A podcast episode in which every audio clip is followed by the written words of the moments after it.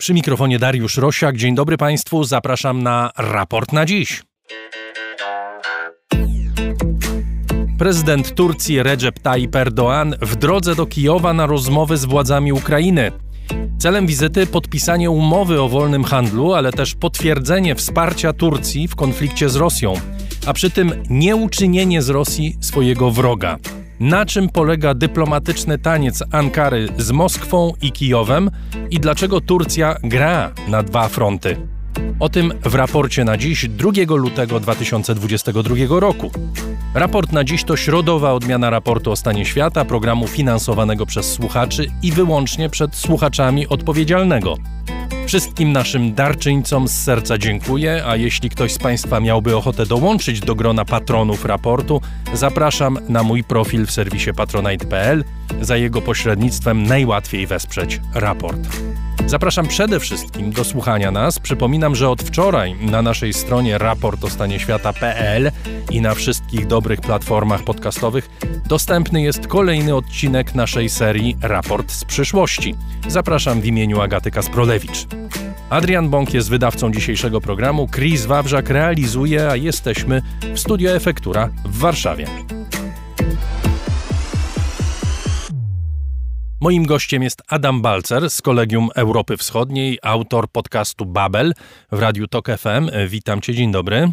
Dzień dobry. Jutro prezydent Turcji będzie w Kijowie i to jest y, wizyta zapowiadana od jakiegoś czasu.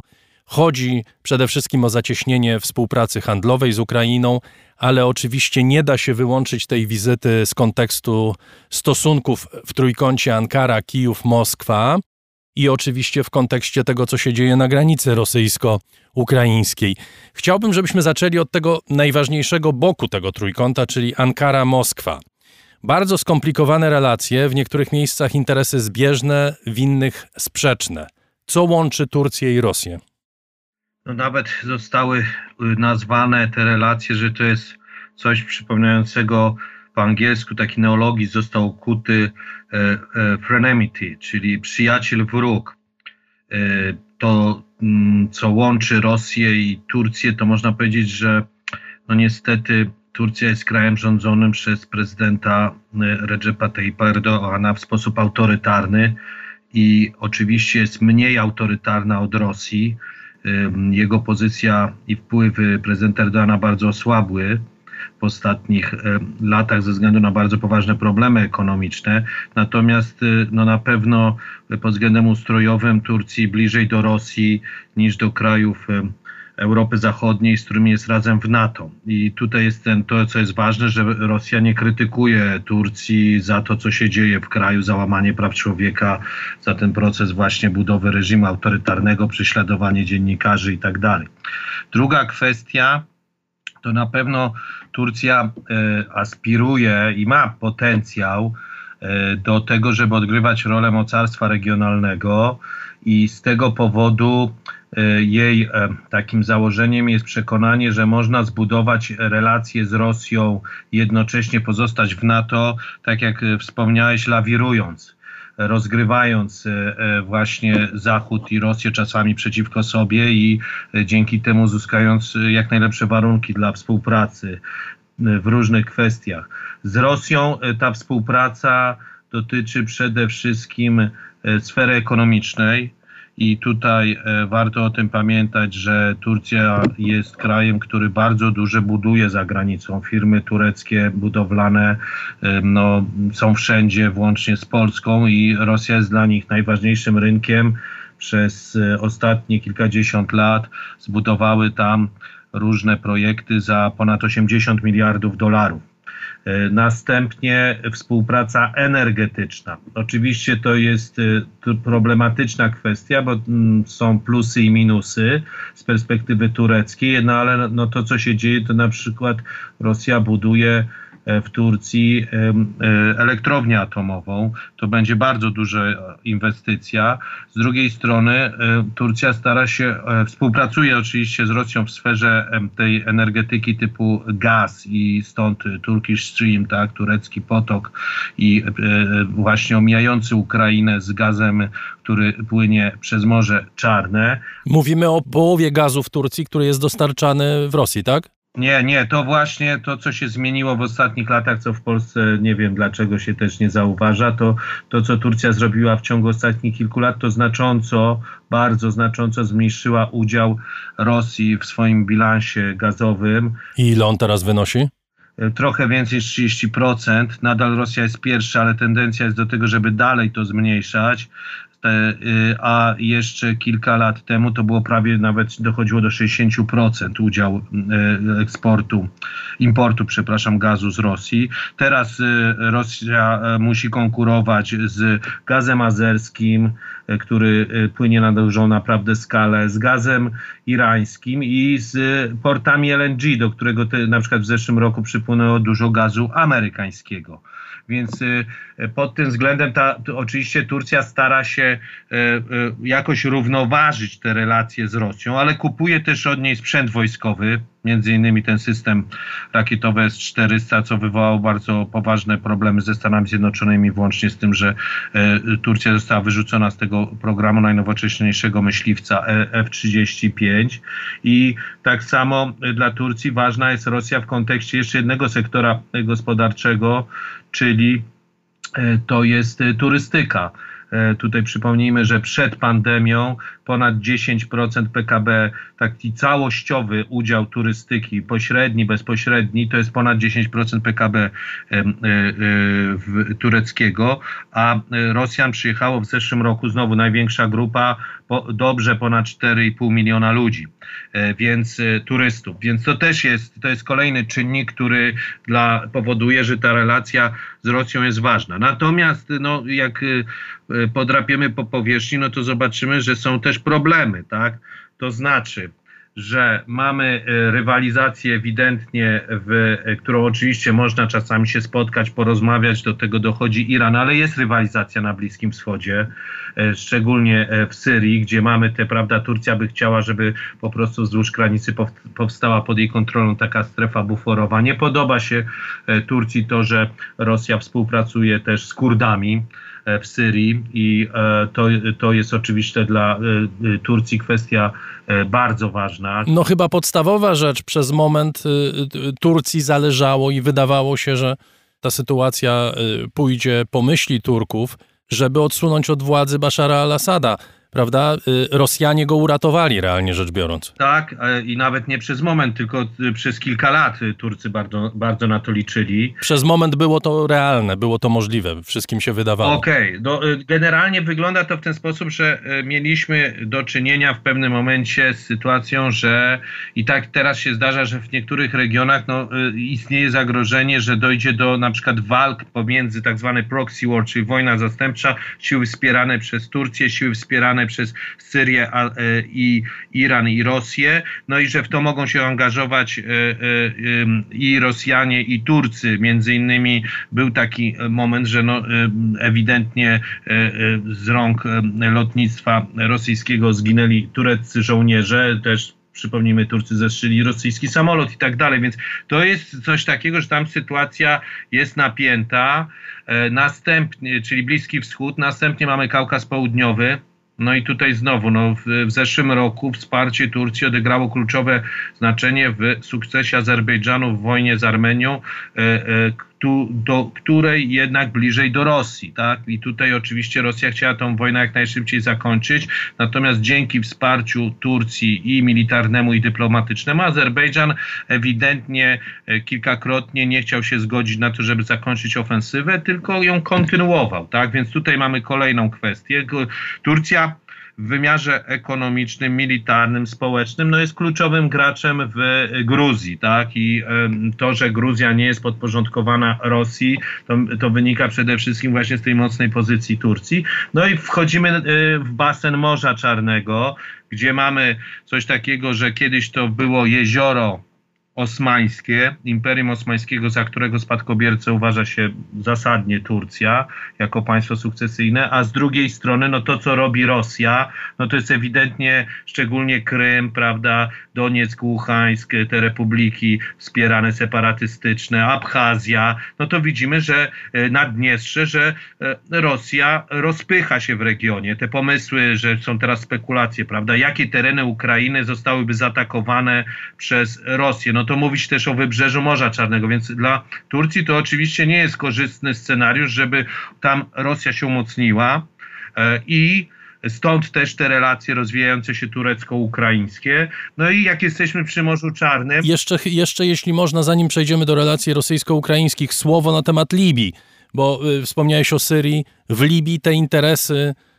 rosyjsko-tureckie też są bardzo rozbieżne, to znaczy po prostu obie strony wspierają y, odrębne rządy w tym kraju. Tak, i tutaj, e, znaczy tutaj pamiętajmy, że teraz y, sytuacja się, no, to nie jest tak jak kilkanaście miesięcy temu, że mieliśmy walki na dużą skalę, ale ewidentnie wtedy, no to Turcja wsparła rząd w Trypolisie e, i e, była taka sytuacja, no, że najemnicy rosyjscy, którzy mieli przechylić e, szale wojnę na korzyść tego rządu z Bengazji wspartego przez Rosję, no, zostali powstrzymani ich ofensywa i następnie odrzuceni po, właśnie ze względu na zaangażowanie Turcji. I tutaj te drony, które tak jak odegrały ważną rolę w konflikcie i w Syrii, tu, Turcy pokazali swoją siłę i w azersko-ormiańskim to tak samo w Libii zostały użyte. No i wracamy do Ukrainy, gdzie oczywiście też e, Turcja to, co zrobiła, to sprzedała te bardzo dobre drony Bayraktary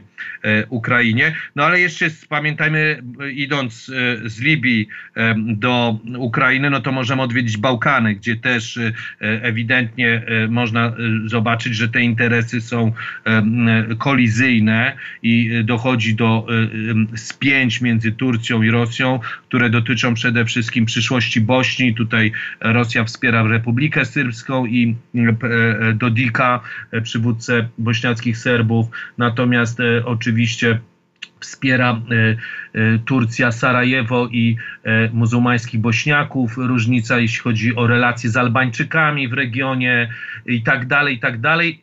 Oczywiście, i tutaj to też łączy się z Ukrainą, bo mam, mówiłem już o Krymie, to jest też kwestia tożsamości historii. Bo pamiętajmy o tym, że jak spojrzymy na kilkaset lat historii, to te kraje naprawdę wielokrotnie ze sobą walczyły.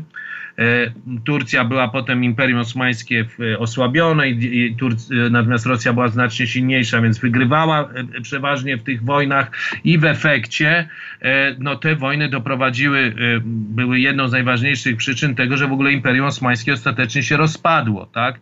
I że Turcja straciła wielkie terytoria, no i że wielu jej mieszkańców to są ludzie, których przodkowie zostali wypędzeni albo uciekli z Kaukazu, z e, Krymu, z Bałkanów, a którzy e, doświadczyli E, ze strony Rosji albo jej sojuszników, no zbrodnie, oczywiście Turcja też popełniała jakieś zbrodnie, żeby było jasne, no wiemy o ludobójstwie na Ormianach, ale słabo pamięta się o tym, no że mamy na przykład ludobójstwo na Czerkiesach mieszkających na Kaukazie. Ci ludzie mieszkają w Turcji i oni pamiętają i ta percepcja, pamiętajmy o tym, że oczywiście Rosjanie mogą przyjeżdżać na wakacje, robi się z nimi biznes, ale jak dochodzi do napięć, to przypomina się o tej trudnej historii.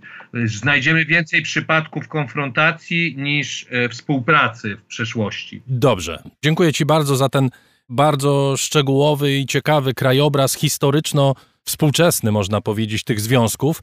Porozmawiajmy o więzach Turcji z Ukrainą z natury krótszych, no bo Ukraina jest niepodległym krajem od niedawna. Dla obu krajów to jest ogromna szansa na wymianę handlową. Celem wizyty teoretycznie jest podpisanie umowy, no nie tylko teoretycznie, również praktycznie, ale są różne cele tej wizyty. Przede wszystkim pewnie polityczny cel, ale jeśli chodzi o sam handel, to jest podpisanie umowy o wolnym handlu, który ma osiągnąć poziom 10 miliardów dolarów. To jest bardzo silna współpraca wojskowa, o której wspomniałeś. Ukraina ma te tureckie drony Bayraktary. Planuje również zakup okrętów, prawda? Tak, e, panowie z Ministerstw Spraw Zagranicznych obu krajów e, odpowiedzialni za jakąś taką e, dyplomację publiczną odpowiedzieliby, że no, jeśli chodzi o historię, to tak, Ukraina istnieje od 1991 roku jako nowoczesne państwo, no ale wiadomo, że te relacje e, Turcji z e, Ukraińcami, z Kozakami, one to nie były tylko konflikty, ale też często współpraca, a szczególnie z Tatarami krymskimi, którzy przypomnijmy rządzili nie tylko Krymem, tylko tak naprawdę po, połową terytorium terytorium niemal dzisiejszej Ukrainy, no to są bardzo intensywne i często ludzie są zaskoczeni, a w historii jest tak, że dla Ukraińców deklaracja turecka z 1914 roku o przystąpieniu do I wojny światowej jednym z celów E, było utworzenie niepodległego państwa ukraińskiego, więc to jest tak troszeczkę jak deklaracja Balfura w przypadku Izraela, więc tę współp- tą współpracę możemy całą historię wspaniałą pokazać, która do, przeszła do kultury masowej. Kojarzymy Muhteszem Yuzil, wspaniały wiek, serial i najpotężniejsza Ukrainka w dziejach świata, prawda, czyli Roxolana Hurem, e, żona e, sułtana Sulejmana Wspaniałego. To wszystko jest teraz wykorzystywane, przypomina się o tym, co się stało w ostatnich kilku latach. Na pewno Turcja zdała sobie sprawę, że trzeba Ukrainę wzmocnić, bo Rosja jest zbyt silna na e, w basenie Morza Czarnego. I można to robić e, rozwijając z nią handel, tak, on wzrósł, Turcja jest e, dość ważnym partnerem, 5% handlu ponad Ukrainy jest Turcją, Turcja zajmuje piąte miejsce, przypomnijmy tylko, że Polska w tym momencie zajmuje drugie miejsce, a Rosja bardzo spadła większa jest wymiana handlowa Ukrainy z Polską niż z Rosją, więc otworzyły się e, nowe możliwości wejścia na rynek też ukraiński. Po to jest też ta umowa o wolnym handlu. Inwestują też oczywiście firmy budowlane. E, są też bezpośrednie inwestycje, na przykład w sieć komórkową tureckie. E, oczywiście jest kwestia tych danych statystycznych, bo Turcja E, e, twierdzi, że nawet 4 miliardy pośrednio zainwestowała na Ukrainie bezpośrednio, ale to pewnie mm, oczywiście przez rynki e, in, trzecie. Mamy boom turystyczny, że y, Ukraina przed pandemią stała się popularnym kierunkiem wyjazdów dla Turków i oczywiście na większą skalę y, Turcja stała się bardzo popularna wśród Ukraińców. W zeszłym roku odwiedziło ją ponad, y, było ponad 2 miliony wizyt Ukraińców do Turcji. Więc oczywiście jest to też źródło pieniędzy. No i mamy ten wymiar, o którym wspomniałeś, który jest dla Ukrainy szczególnie ważny, czyli ta współpraca militarna. I tutaj jest spory potencjał potencjał, bo Oprócz tego, że te Bajraktary y, mają też, oprócz tego, że to jest dobry sprzęt, to ich użycie y, zostało przedstawione przez Ukraińców jako też no, takie wzmocnienie własnego potencjału militarnego, y, wzrost takiej poczuci, poczucia własnej siły. Oprócz tego, prawda, mamy różne liczne umowy, zobaczymy jak w praktyce wyjdzie ta współpraca, ale chodzi o to, że można współpracować przy silnikach lotniczych, przy, e, jeśli chodzi o sektor e, taki jak przemysł kosmiczny, bo on jest na Ukrainie, tak? Czyli satelity na przykład. E, to jest kwestia właśnie okrętów, bo musi Ukraina też odbudować swoją marynarkę wojenną. Więc tutaj wszędzie jest potencjał i Turcja też patrzy na Ukrainę w tym kontekście, że sama stara się w ostatnich latach bardzo rozbudować swój przemysł a zbrojeniowy, a Ukraina ma potencjał jeszcze z czasów czasów Związku Radzieckiego, do tego, żeby e, e, prawda, e, być czasami atrakcyjnym partnerem w konkretnych dziedzinach i też jak spojrzymy na lata od momentu agresji rosyjskiej na Ukrainę w 2014 roku, to w ogóle potencjał militarny Ukrainy to są najróżniejsze rankingi, które to oceniają, zdecydowanie wzrósł, więc jak się patrzy na region, no to w tym momencie oprócz Rosji i Turcji, no to Ukraina jest krajem w basenie basenie Morza Czarnego z największym potencjałem militarnym. Więc to też powoduje, że oczywiście dla Turcji w tym celu, e, żeby zlewarować e, Ukrainę, wzmocnić ją i balansować Rosję, to jest to ważne. Jest też pewna chemia pomiędzy, e, tak się mówi, tak, między Erdoanem i Zełęskim, który wcześniej jako komik się z niego nabijał, tak? E, e, jak występował jeszcze e, w tych prawda, serialach komediowych. Natomiast no, najlepszy jest ten fakt, częstotliwość tych wizyt która jest naprawdę duża. Zełenski rządzi krajem od trochę więcej niż dwóch lat, ponad dwa i pół roku i odwiedził trzykrotnie, czy nawet czterokrotnie, już teraz nie pamiętam, Turcję. I ta wizyta oczywiście Erdoana w tym momencie jest dla Ukraińców bardzo ważna. Już wcześniej był na, w okresie rządów Zełenskiego na Ukrainie Erdoan, więc mamy ewidentnie no, spory potencjał, żeby ta relacje, żeby te relacje zacieśnić, ale oczywiście Turcy zdają sobie sprawę, no, że całościowy potencjał Ukrainy no, nie jest taki, żeby e, mogła e, zastąpić Rosję jako istotny partner ekonomiczny Turcji. Porozmawiajmy o tym, jak zachowywała się Turcja wobec agresji rosyjskiej na Ukrainę od 2014 roku, a nawet może powinniśmy zacząć od 2008 i konfliktu w południowej Osetii i Abchazji, bo to chyba już wtedy pokazało pewne rozdarcie Turcji. No możemy zobaczyć na pewno, że Turcja nie chce e, tak otwarcie konfrontować się z Rosją.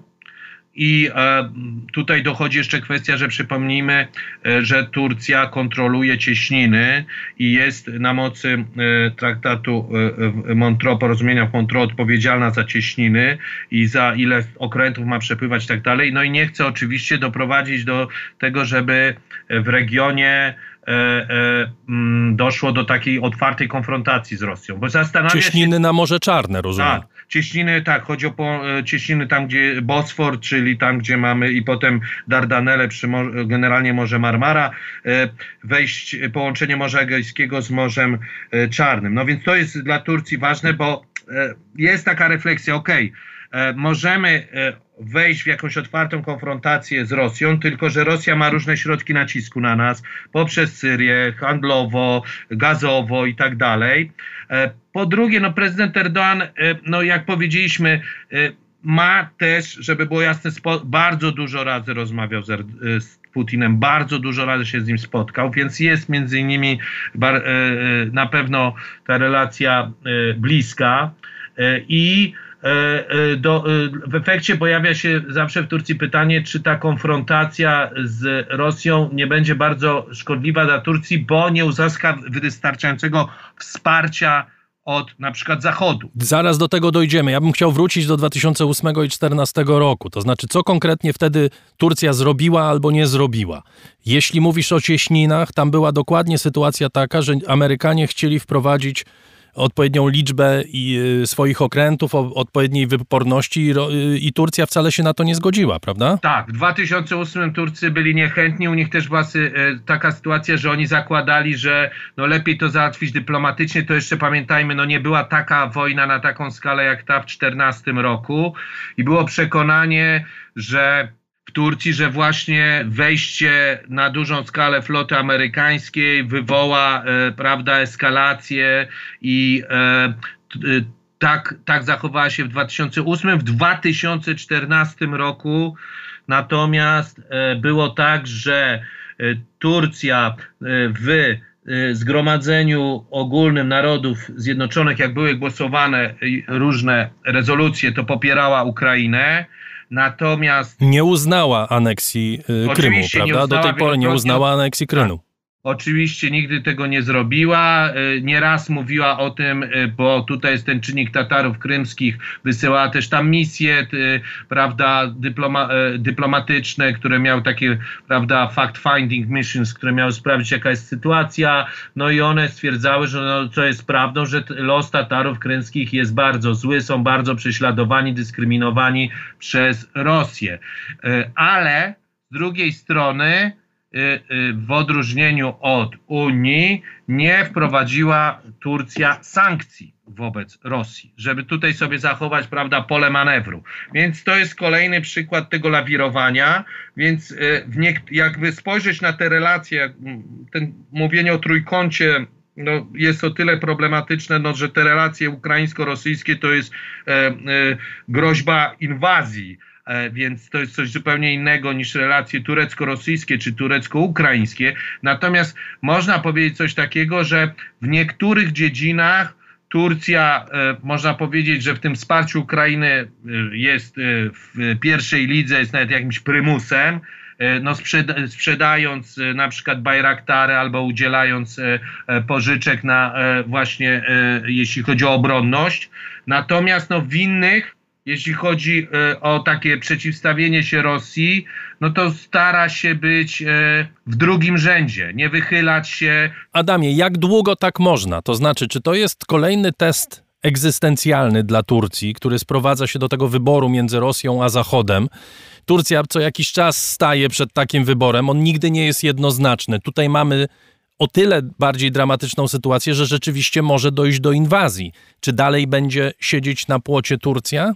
Nie ma czegoś takiego jak wybór między Rosją i Zachodem. E, z perspektywy tureckiej jest przekonanie, że jesteśmy autonomicznym, strategicznym graczem i Turcja oczywiście przeżywając obecnie poważne problemy ekonomiczne, nie jest wiarygodna, tak siebie prezentując, natomiast ma taki potencjał, jak porównamy gospodarkę rosyjską i turecką mierzoną w PKB w sile nabywczej, no to widać, że to nie jest gigantyczna przewaga Rosji nad Turcją, ona się zmniejsza i Turcja chce zostać w NATO, Turcja z niechęcią, jeśli NATO przyjmie ostrzejsze stanowisko, to dostosuje się do tego, co stanowiska NATO wobec Ukrainy, bo te relacje z Zachodem w najróżniejszych kwestiach, choć są trudne, to są dla Turcji ważniejsze niż z Rosją. I oczywiście polityka rosyjska paradoksalnie może popchnąć Turcję w tym kierunku, żeby być jednak bliżej NATO, bo e, jeśli Erdoğan mówi zapraszam do siebie, chciałbym, żebyście przyjechali Załęski i Putin negocjować, żebyście rozmawiali, pokój jest najważniejszy. I jeśli oczywiście Załęski może powiedzieć, proszę bardzo, mogę przyjechać, Putin zacznie robić problemy i wybierze opcję właśnie e, siłową, agresję na Ukrainę, no to tak naprawdę e, e, Turcji pole manewru bardzo się ogranicza, czyli nie będzie chciała się otwarcie konfrontować, ale można powiedzieć, dostosuje się do linii NATO w tej sytuacji i oprócz tego można się spodziewać kontynuacji tej polityki wsparcia dla Ukrainy, która, jak powiedziałem, w niektórych sferach jest znacznie większa, to wsparcie właśnie tych ważnych dla Ukrainy bezpieczeństwa niż na przykład wsparcie e, Niemiec czy Francji. Bardzo dziękuję. Adam Balcer z Kolegium Europy Wschodniej, autor podcastu Babel w Radiu Tok FM, był gościem raportu na dziś. Dziękuję bardzo. I to już prawie wszystko w tym programie. Zapraszam Państwa na sobotę. Tymczasem proszę słuchać naszych innych produkcji: raportu o książkach, raportu z przyszłości i oczywiście raportu o stanie świata. To są programy, które powstają dzięki Państwu i za to zaangażowanie Państwa serdecznie dziękuję.